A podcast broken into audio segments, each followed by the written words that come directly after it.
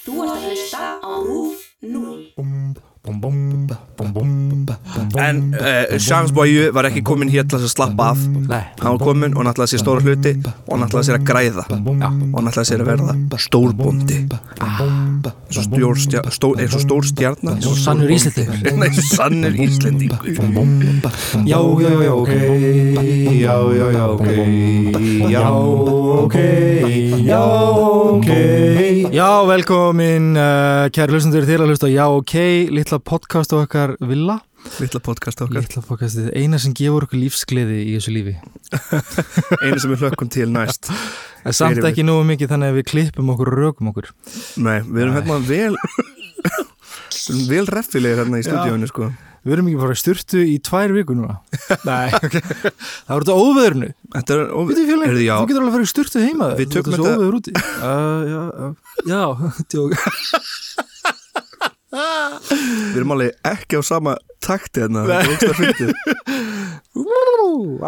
Hérna, Hvað Það segir er gott? aldrei áhugavert alltaf þegar kemur Já. einhvern veðurspodcast eða podcast um einhvern Ég veit veðurfar hjá það. okkur þá bara daginn, Hvað gerist það? bara, þá er eitthvað hryllilegt Já. veðuratvík sem gerist sko Sko, hérna, já, við töluðum um frostavitunum mikla og svo kom bara snjóbylur. Já, og svo tölum við um básendaflóðið já, og þá koma snjóflóð og flóðbylgjur í kjölfarið já líka bara, þú veist, daginn sem það gerist sem, þú veist, er í, er í dag með að við, Já, hvernig þessi þáttur er tekinu upp uh, þá, sko, ég bara, ég vaknaði las fréttinar og ég bara, ert ekki að grínast Það það var var sem ótrúlegt. ég hugsa, ég bara ah, en það er gott að vita að það séu flestir í lagi þarna já, já, já, já og Reyndar, já. við sendum, við sendum hlýjar kveðjur til þeirra sem hlusta Já.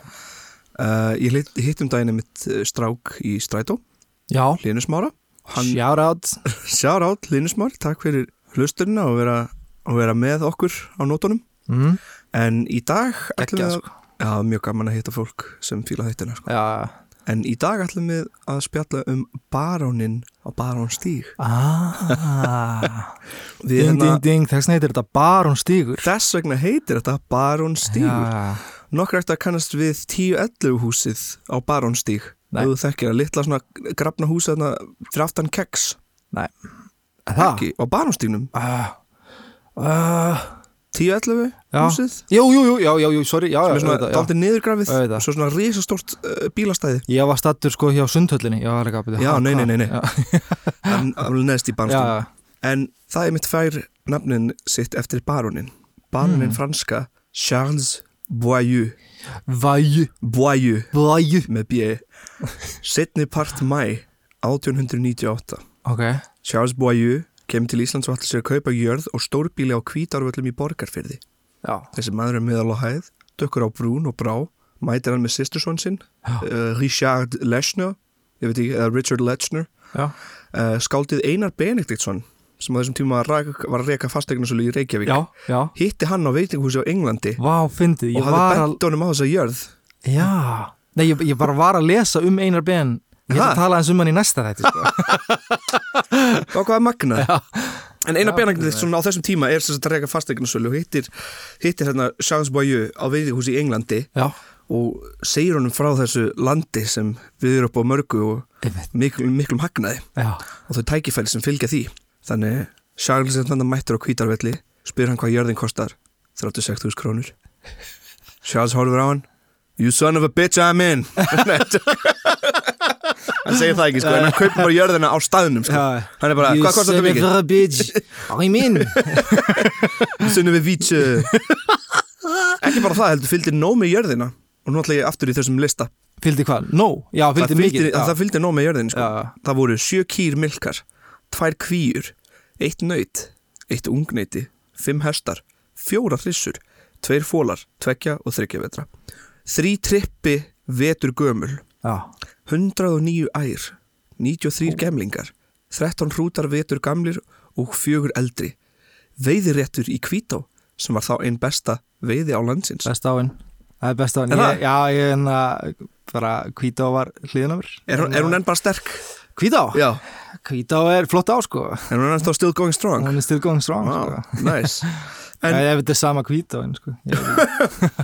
Ég held nú það gamli. en þetta er svolítið góð punktu líka bara til fagstæðnarsæli í dag sko, Já. Þarna, þetta kalla ég að selja sko sko ef að fastegnarsæla myndi bjóða mér allt þetta með einhverju húsi Á þrjá- Í á Vesturbænum. 36.000 krónur 36 krónur og bara með fullt af kindum og hestum og kýr og eitthvað svona, ég er bara alveg eins sko Já, næs ég var til í sko, hérna, hefur þessi bóndabæin hérna, sem er í laugardalum, eða réttur laugardalum og Eh, keiri sko já. Hérna, já, það er bara svona bóndabæn bara Já. allt í hennu bara eitthvað í miðri reykjaði Ótrúlegt. og maður er eitthvað, ég var til í að eiga heima þar og ég væri bara með fjós og, Á, og bara fullt af dýrum og, og hundar úti og eitthvað, hlaupa og gelta eftir bílum Bara gett mikið fjósastemning heima hjá þér Alltaf upp á heldu og eitthvað þannig dæmi já, svo bara djammið um helgar Kemur blekar í fjósið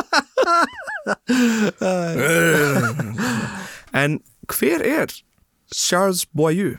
Sem sagt Charles Hmm. mm. Gouldre Sko núna er þetta aldrei rugglingur út af því ég finn tvær mismandi, tvö mismandi nöfn fyrir hann á netinu ok, Hann er hvort Charles Gouldre eða Gouldrek já, þannig að Charles Gouldre eða Gouldrek Boyer pappi hans hafði verið sendið herra frakka í Lima, Peru mhm, og móðir hans var dóttir bandaríska öldungarásmanns já ah. senator, þannig að óhætt að segja að hann hafi verið vel efnaður hann var Ok, okay, lístur sem ok. svona seintekinn, hægur í öllu svona dagfæri skilur svona, bara Já, hendur já. rólegur lappandum, Aha. en fjörugur þegar maður fór að kynast honum og hrókur alls fagnaðar í samkvæmum Ah. þannig að strax sem hann opnaði sig aðeins þá var hann bara mjög skemmtilegur og Já, já. partistrákur já, já, Ah. en svona í dagstæðlega lífin þá var hann bara helviti rólegur og hann var ekkert sérstaklega mikið að reyna að eignast vini þannig stundu þegar fólki reykja ekki reynda að ná hann á tali þegar fannst hann svo merkilegur aha þá þóttist hann bara ekki skilja það sem að vera að segja þannig að fólk reyndi, reyndi stundum að tala ennsku eða jafnvel þýsku en hann bara held í sínu var bara eitt stort spurningamerki þannig að fólk hætti að reyna Já, ok, vá fólk svona vildi einhvern veginn vildi vera vinnur hans og Já, var já. svona að reyna skilur Já, já, já þannig að finna er samt að barun gatt talað sjö tungumál þegar hann kom og Og svo verðum við að sko eitthvað Sem svona, bráðum "Ó, urðu átta." Danska Ha? sem bráðum urðu átta út að hann læriði íslensku Já, það á lærði núleitni What? Ég ætla að segja sko að því svo erum við að væla að því við þurfum að læra dönsku í skóla sko Já, já, já Hún hendar sér vel ef maður allar sér í nám þar Hún gerir það sko Það er ekki líka Um, bara það sko að að læra að lesa dönsku sem er náttúrulega tiltölu auðvelt, Nei. það er bara ef maður vill vera með í danska félagslífinu þá þarf maður eiginlega að vera smá Já, annars er maður rosalega út úr sko maður dettur út, úr- Það er alveg svo rosalega fólk dettur stórt, út úr á sko. Íslandi skilur Já, já maður er að hanga með fólki, þú veist Katrín er oft með mér og fólk á það bara til að fara yfir á íslensku án Já. þess að fatta það Nei, einmitt. einhvern veginn, um, Það væri líka rosalega gott að læra þýsku finnst mér já, Hvor- Ef maður mætti velja millir dönsku og þýsku Þú veist í grunnskólum hér Já. eða eða framhaldsskólum og veist eitthvað svona Ég veit ekki ég var vel til í þýsku sem Já. lingua franca sko sem, Já, þú veist, tungumálið sem uh, fólk notar til þess að tala saman, allan í já, Evrópu já. út af því að ég bara var að koma að staði um daginn að ég neyti svo mikla ameríska menningu eða skilur, ég horfa Já. á amerísk sjónvastætti, ameríska Já. sjónvastætti ég horfa á amerískar bíómyndir ég les ameríska bækur, Já. ég les ameríska greinar ég fylgist með amerískri pólitík einhvern veginn Nákvæmlega og það er bara gegnumsýrt í gegnum, eða þú veist, ég, Ég veit er, að fylgist maður- meira með amerísku kultúr en íslenskum Ég veit að maður heldur sko að maður verði rosalega veraldra fróður einhvern veginn en, en í raun og veru þá er þetta svolítið þröngsýnt Já. og veist það er svona, þetta er aldrei Og einblínt maður fattar það einblínt ekki. verandar Já, frá, já, frá, já. fróska já, einmitt Nei, það er alveg rétt sko þetta er sko, ég er búin að reyna að vera að breyta þessu með að lera, lesa mér á portugalsku Já. lesa mér á spænsku Já, uh, hlusta mér á íslenska hluti og lesa mér íslenskt já, og ef ég kaupi einhverja bók þá helst kannski þýta yfir á ensku en frá kannski japanskum rítöfund til dæmis já, einmitt en En sko fyrir, eins og fyrir næsta þátt já, þegar ég var að rannsaka fyrir hann þá lendi ég á einhverju mymbandi sem var á dönsku já, og ég gat hort á það og var bara svona, já, eitthvað, og skilaði smá og eitthvað svona Mm. og svo var ég rosalega þakkláttur ég var Já. eitthvað svona, að ég er þakkláttur að geta skilað þetta eitthvað svona, vá, eitthvað já nákvæmlega já, þetta er, þetta er mjög áhugavert sko Já. En svona, það væri gaman kannski að allir myndi byrja að læra því sko já, En ekki bara það, heldur var hann líka mjög góður á selló Helt tvo tónleika hér í Reykjavík mm. Þannig að það var óhætt að segja að, að hann var mikill svona kvenna gull Það var margar það er fíluð- það er fíluðu selóin sko. fíluðu sellóin og það er fíluðu barónin Já. En uh, Charles Boyu var ekki komin hér til þess að slappa af nei, Hann var komin og hann ætlaði sér stóra hluti og hann ætlaði sér að græða já, og hann ætlaði sér að verða stórbóndi ah, eins og, stjór, stjá, stó, eins og stór stjarnan eins og sannur íslendingur Nei, sannur Íslendingur En eh, eftir að hafa komið sér fyrir í húsinu sínu á laugavíði 90 Já.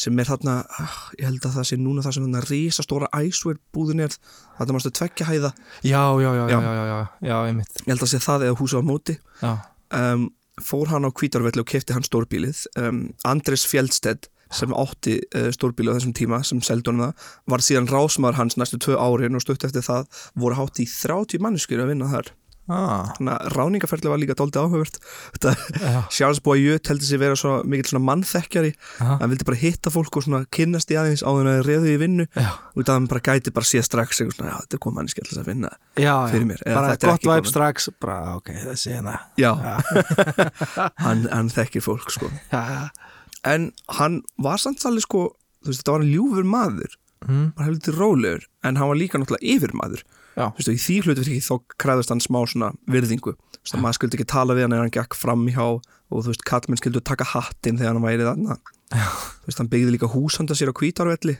Já. en var þar kannski ekkert meir en tvær vikur í einu því það var einhver svona óróleiki í manninum sem gerði það að verkum að hann var bara alltaf á flakki Þú já, veist, bara Íslandið, Reykjavík, eitthvað svona þú veist, að- Reykjavík, Kvítavelli, hann bara var alltaf einhvers, einhvers konar hreyfingu að gera eitthvað, skilur, að skipla ekki eitthvað já, já, hann gæti ekki haldið sér svona já, ég tengi, sko ég tengi, Já, ég ég er svona andjók, sko ég held að myndi tengja eitthvað smá við, með barónin um, hann dvaldi stóran hlutan af veturinum í Reykjavík ok, en það þyrfti alltaf að vera til staðar ef hann skildi við vilja fara upp úr þurru já, hestar og bátar, skilur já, þeir voru næstu bara svona on standby já og þetta er ekki ódýrt dæmi, sko Nei. það er ekki út af því að hann var eitthvað kannski mega ríkur það var bara því að hann var svo órólið þannig að hann þurfti að koma sér burt þá þurfti hann bara að gera það strax já, já, skilur, hann var bara eitthvað, heyrðu, mér langar á kvítavelli núna bara núna, núna, já, þannig já. að hvað með bátið minn hann Bara var sækja mig. orkubolti eða svona, mér langar að segja ofvirkur en þú veist, þetta er náttúrulega ekki alveg skilgreining á ofvirkni en já. Já. en já, hann var svona orkumikill og, og bara, já. Já. ef hann var yrðalaus þá var það hræðilegt já, nákvæmlega, þess vegna þurfti hann bara að koma sér burt ég tengi, strax hreitt sko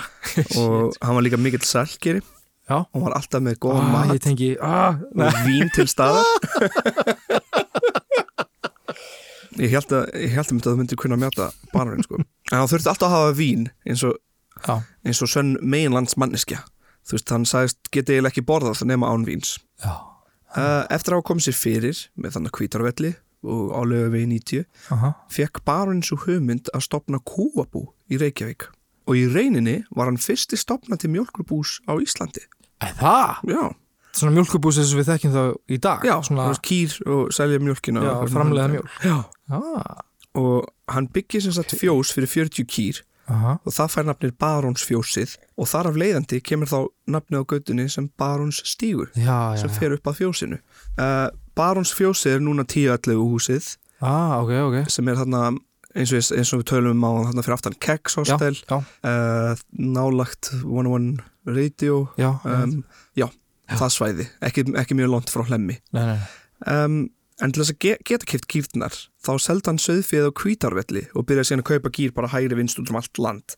Mm. en náðu samt ekki að finna sér nema bara fjör, nei, 20 kýr já hann ætlaði að kaupa 40 náði ekki Já. nema bara 20 en 20 var svolítið mikið á þessum tíma kannski það var það sko Já. og kostaði sitt já, uh, hann ætlaði þú veist að selja mjólk í bæinn en kýrnar voru svona frekar dýra til fóður mhm, voru víst miklu gallar gripir þannig að hann voru Æ, ekki æ. að gefa af sér mikil Ah. mjólk ok uh, pælingin með þessu Já. businessi hjá honum var að hafa kýrnar í Reykjavík á sumrin já, og síðan á kvítarvillum veturnar og vinna þá á kvítarvilli osta, skýr og smjör úr mjólkinni já sem, þú veist, þá gæti hann verið að flakka á milli já, hvað það eru og hann er komin í stór business Já. hvað það eru, þetta er að slá tvær flugur í einu höggi hann sko. já nákvæmlega, nákvæmlega en heið fyrir kýrnar var flutt inn frá kvítarvilli sjóliðis Ah. þannig að fyrir það kipta hann gufubát sem nefndi kvítá og síðan fluttningsbátur sem svona var tengdur með ah, um, þetta var ekki góð hugmynd nei okay.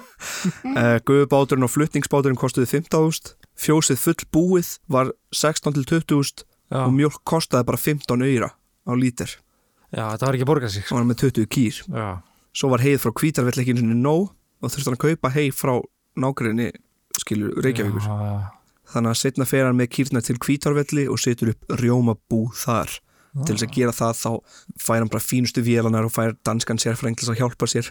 um, Danskan sérfræðing. ja, danska sérfræðing sem var eitthvað Danskan hérna- hérna á landinu að tala um smjör og eitthvað svona rugg um, ég fer ekki lengra inn í það það Nei. er svona aldrei svona dítúr já, því mér okkar mest að tala um barónin sjálfan já, sko. já, en þetta var ekki fyrst skipt sem barónin var ekki góð með peninga að því eftir að hafa stundað nám í Eton í Englandi fór hann stunda félagslífið af miklum krafti þannig að hann var annarkvort hátt uppi á að njóta tónlistarinnar og listarinnar í bænum eða mjög langt niður í þunglindi og ástasorg en það var allt í lagi því hann hafði alltaf næjan pening já, skilur, hann var svona í rauninni einhvers konar Gatsby, skilur já. ekki beint Gatsby en en Nei, nei. einhvers konar skilur, svona Já. útgáfa af honum á þessu tímambili svona sveita Gatsby Sveita Gatsby en náttúrulega hann kom náttúrulega vel efnari fjölskyldu og hann var náttúrulega bara frekar ríkur og hafði efna á að gera þetta sko. þetta er mjög já, áhugavert að sjá menn svona nöytna nöytnamenn eða hvað, hvað er þetta sem er já. sem svona nýta sín í starfi og, og er svona, ertu að tala um það? eða? já, hann var bara, þú veist, þetta var bara klár maður hann var hæfileika ríkur Já, en eins og svo oft með svona klára menn þá er þunglindi bakvið það er eitthvað sem Það er uppfyllir líka- þá ekki nóg nei, nei, og þeir eru oft líka svolítið svona, svolítið spes sko, margir, það er Já, ekki illa það er mynd ekki, sko það er ekki hvað maður sem er Nei. sem flytur til Íslands og kaupir, þú veist, resastort bú já, bara á núleitni já, já, þannig að hann er mjög áhugaður manneska eh, mjög svona út um allt einhvern veginn mætti ég segja já, einmitt það er mjög áhugaverður samt og, og, og skemmtilegu svona í, í félagslífinu Þú veist, Helt tvo tónleika í Reykjavík mikill svona businessmaður þótt að hann hafa ekki kannski mikið vit á því eins og, eins og maður tekur eftir því já, En þannig er hann í Englandi að tjamma og bara með nægum pening og svo látast fóreldra hans með stuttu millibili ah, og þunglindin hans verður erfiðar að hunsa þannig að þú veist þunglindistjöðlin er aldrei langt undan mm, en um, fer hann þá í tónlistanám og lærir á cello ah, og þannig að tónlistaferillin hans framundan er frekar bjartur en uh, eins og ég segi þá fylgir þunglindir honum smá og til þess að díla við því þá fer hann alltaf bara að lega dýrar íbúðir Já. djama mikið, halda ristur af veislur já, ferðast já og bráðum meira hann bara að tapa allan sinn pening og wow, hann fer að selja bara hluti og heimili til þess að geta haldið áfram þessu glamúr lífi já, en það er ekki langt þanga til að hann verður bara hundeldur af einhverjum skuldheimtumönnum þess að það er gammal þór þeir eru bara handrukar sko, já, já, skuld heimtum eldur af handrukkurum og það er á þessu tímabili bara alveg, bo- hann bara sökk hann nær, hann, hann sekkur sko Já. uh, sumir segja uh, allavega grein í morgumblæðinu mjög gamla 1930 og eitthvað Aha. að hann hafi eitt mest af sínum peningum í einhverju konu sem fáir vita Já, Aft. ok, einhver leini ástana einhver leina ástæðna sem síðan fer frá honum eða hann fer frá uh, Já. við vitum það ekki, Nei, þetta er bara einhverjum spekulasjón um, spekulasjón og það er þessum tímbilið sem handrukar er að eldan sem Já. hann kynnist einari á Vindigóhúsi Já, og fær að vita þá af Ísland þannig að ah, þar sem maður vindur að hann spyrjaði sko. að Já, Íslands ævintýrið já. hann spyrjaði þegar hann er að enda ævintýri sitt í Englandi já, ég skil Þannig að þrátt fyrir að vera félítill og vera að koma sér í skuldir Aha. var Charles þekktur fyrir að vera mjög góður yfirmaður. Til dæmis í, með búinu hans á kvítarvelli Já, þá gaf hann starfsmennu sínum jólagjafir sem var eitthvað sem sást ekki á Íslandi á þessum tíma. svona jólabónus Jólabónus, já. Já. Hann sendi bara jólagjafir skilur frá Já, Reykjavík ok. og bara leti einhvern sjá um að, að Nei, gefa hennar starfsmennum jólagjafunum og þeir voru alltaf mjög þakkláttir fyrir honum Charles Já. og allir sem unnu fyrir hann uh, líkaði mjög vel við honum. einmitt Þetta var Bara- tilflingar ykkur maður Þetta var tilfinningaríkur maður og hann Já. var hann var tröfluð sál held ég held að hann hafi kannski verið að flýja einhverju í meilandinu með því að halda sér svona uppteknum Já, já, og það eru til heimildur um það að frændans að vera skrifunum frá Englandi bara mjög pyrraður hann sé í, á Íslandi já, eitthvað að fýblast um með fullt af einhvern svona atvöndtækifærum já, og sé að reyna að gera hitt og þetta en einhvern veginn, þú veist, sé ekki bara að koma aftur til Fraklands og verða bara tónlistakennari hann hefði getað átt mjög gott líf sem tónlistakennari til dæmis, Já, af því að hann einmitt. var fanta góður á cello og hann hefði getað bara sesti fyrir í París og kent á cello en það var ekki í Hmm. kannski bóði fyrir skeið Hmm. eitthvað slæmt sem hann var að flýja líka ég held það, Jésús, og barunin sko, hann reyndi margt til að græða, já, hann ætlaði sér að setja á fót svona hrossabú já en hætti við þegar einhver benda á honum að hann var að gleyma að taka rekstra kostnaðinu með í reikninga Já, skilur, já, já, hann, tók, já. hann var að gleyma að taka það með Já. skilur, hann, hann var ekki kannski alveg Ha, bestur til þess að skipuleggja hérna, eitthvað svona nýtt fyrirtæki Uh, hann kipti veiðirétti hér og þar og ætlaði að búið svona aðstöð fyrir túrista og Já. selja þeim veiðiferði svona til englendinga eða eitthvað þannig Já. en að lokum fær hann hugmynd sem meikar sens Og það er Fly Over Iceland. það Og er það flægur er og ennþá ræst til í dag.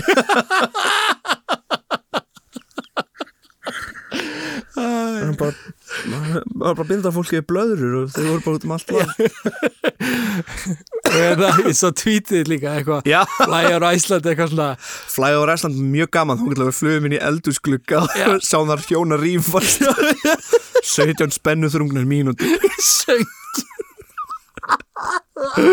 þá getur við fórum síðan aftur yfir útsinni og reykja Já, uh, einhver skildi ekki brandaran en það er sem sagt út af því að ég var bara að hugsa á þetta að Fly over Iceland er svona VR experience þannig ég var að hugsa um að það er eitthvað svona VR experience yfir reykja og bara allt í einu fer maður í svona VR experience í heimilið hjá einhverjum þar sem hjón eru bara að rýfast og líka svona þú veist, upp laugavegin, baka eitthvað port og það er eitthvað gæja að pissa og eitthvað svona og svo unglingar út að reykja og eitthvað svona, eitthvað svona fly over Iceland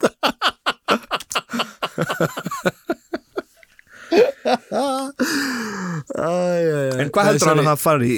Hann að það fari Eh, í barónin Ég held að hann hafi farið í fastegnasölur Nei, Nei, hann fór í Það er útgerð. ljómandi. Útgerð, já, Já.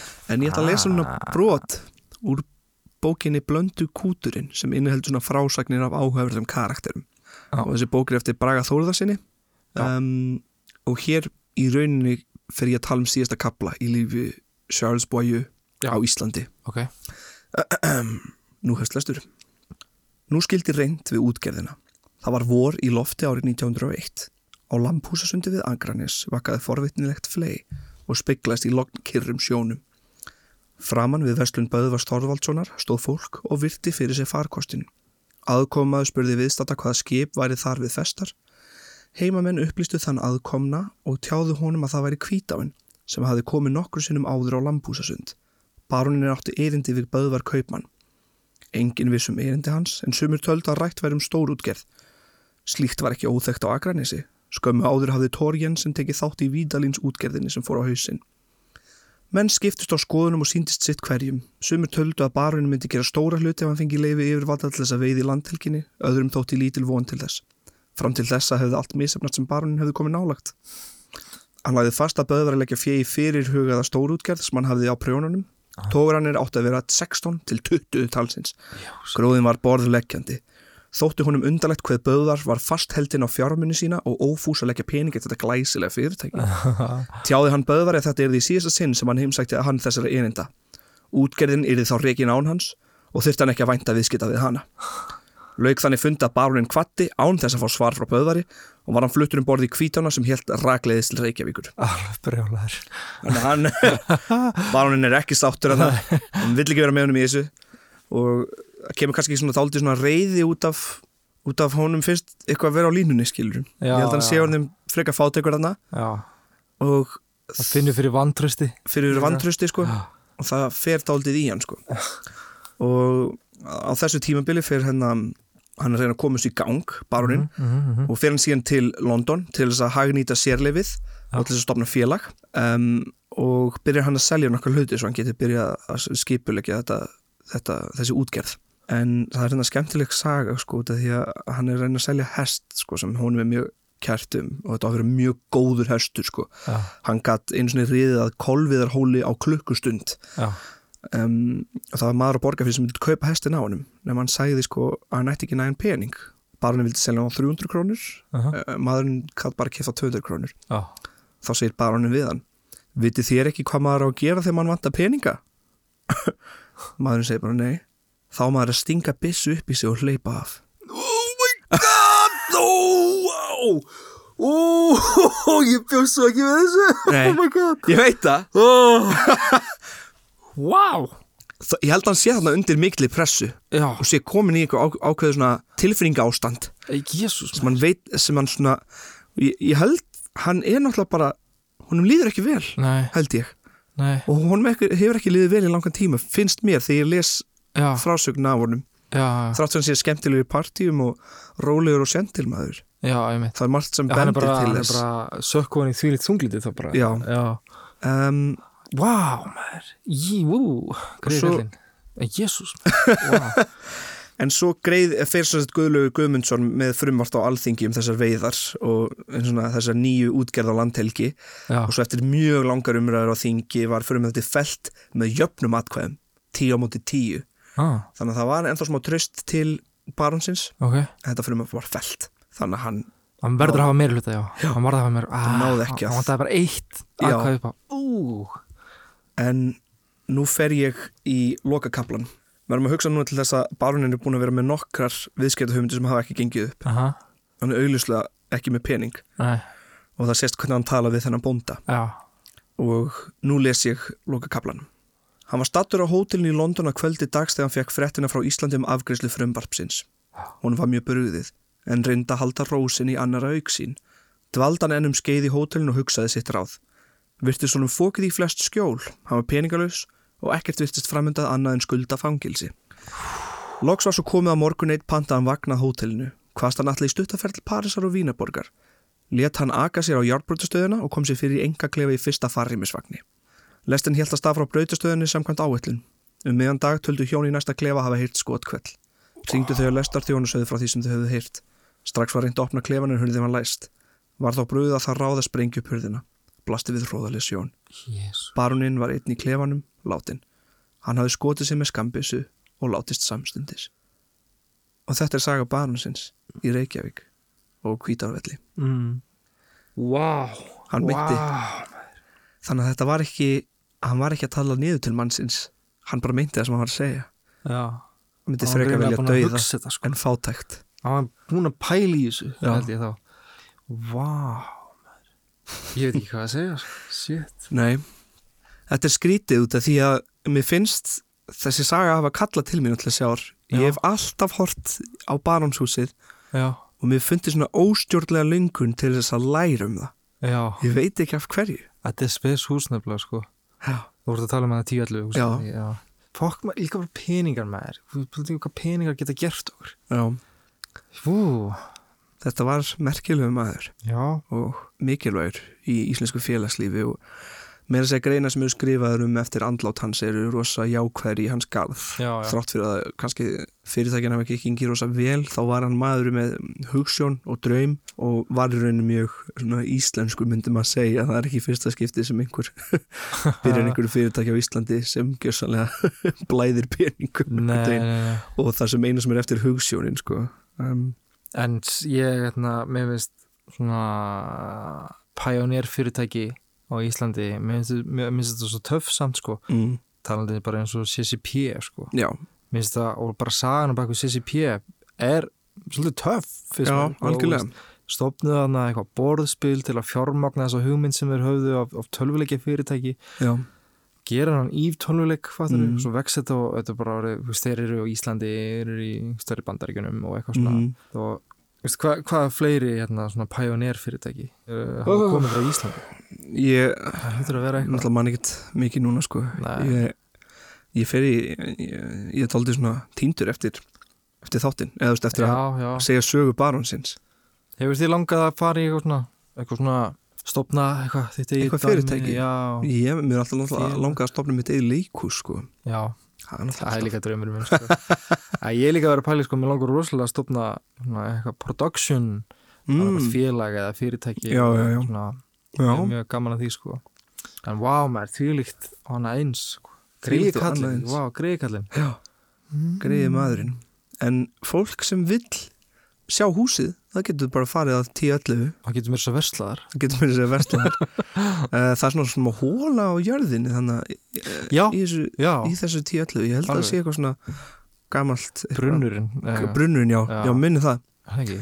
Þannig að það er aldrei skemmtilegt, sko Já, Hún geta að sé það ennþá En ég þakka fyrir mig og ég Já. vona að fólk því líka hugsi oft til baronsins núna á baronstíg Hann er með heila götu nefnda eftir sér sko. Já. Þannig og á það skilið, myndi ég segja að- Þykir mjög vænt um Já, þetta Hvílan í friði Hvíl í friði, Charles Bóju og takk fyrir okkur Takk fyrir okkur Já, já, já, ok Já, já, já, ok Já, ok Já, ok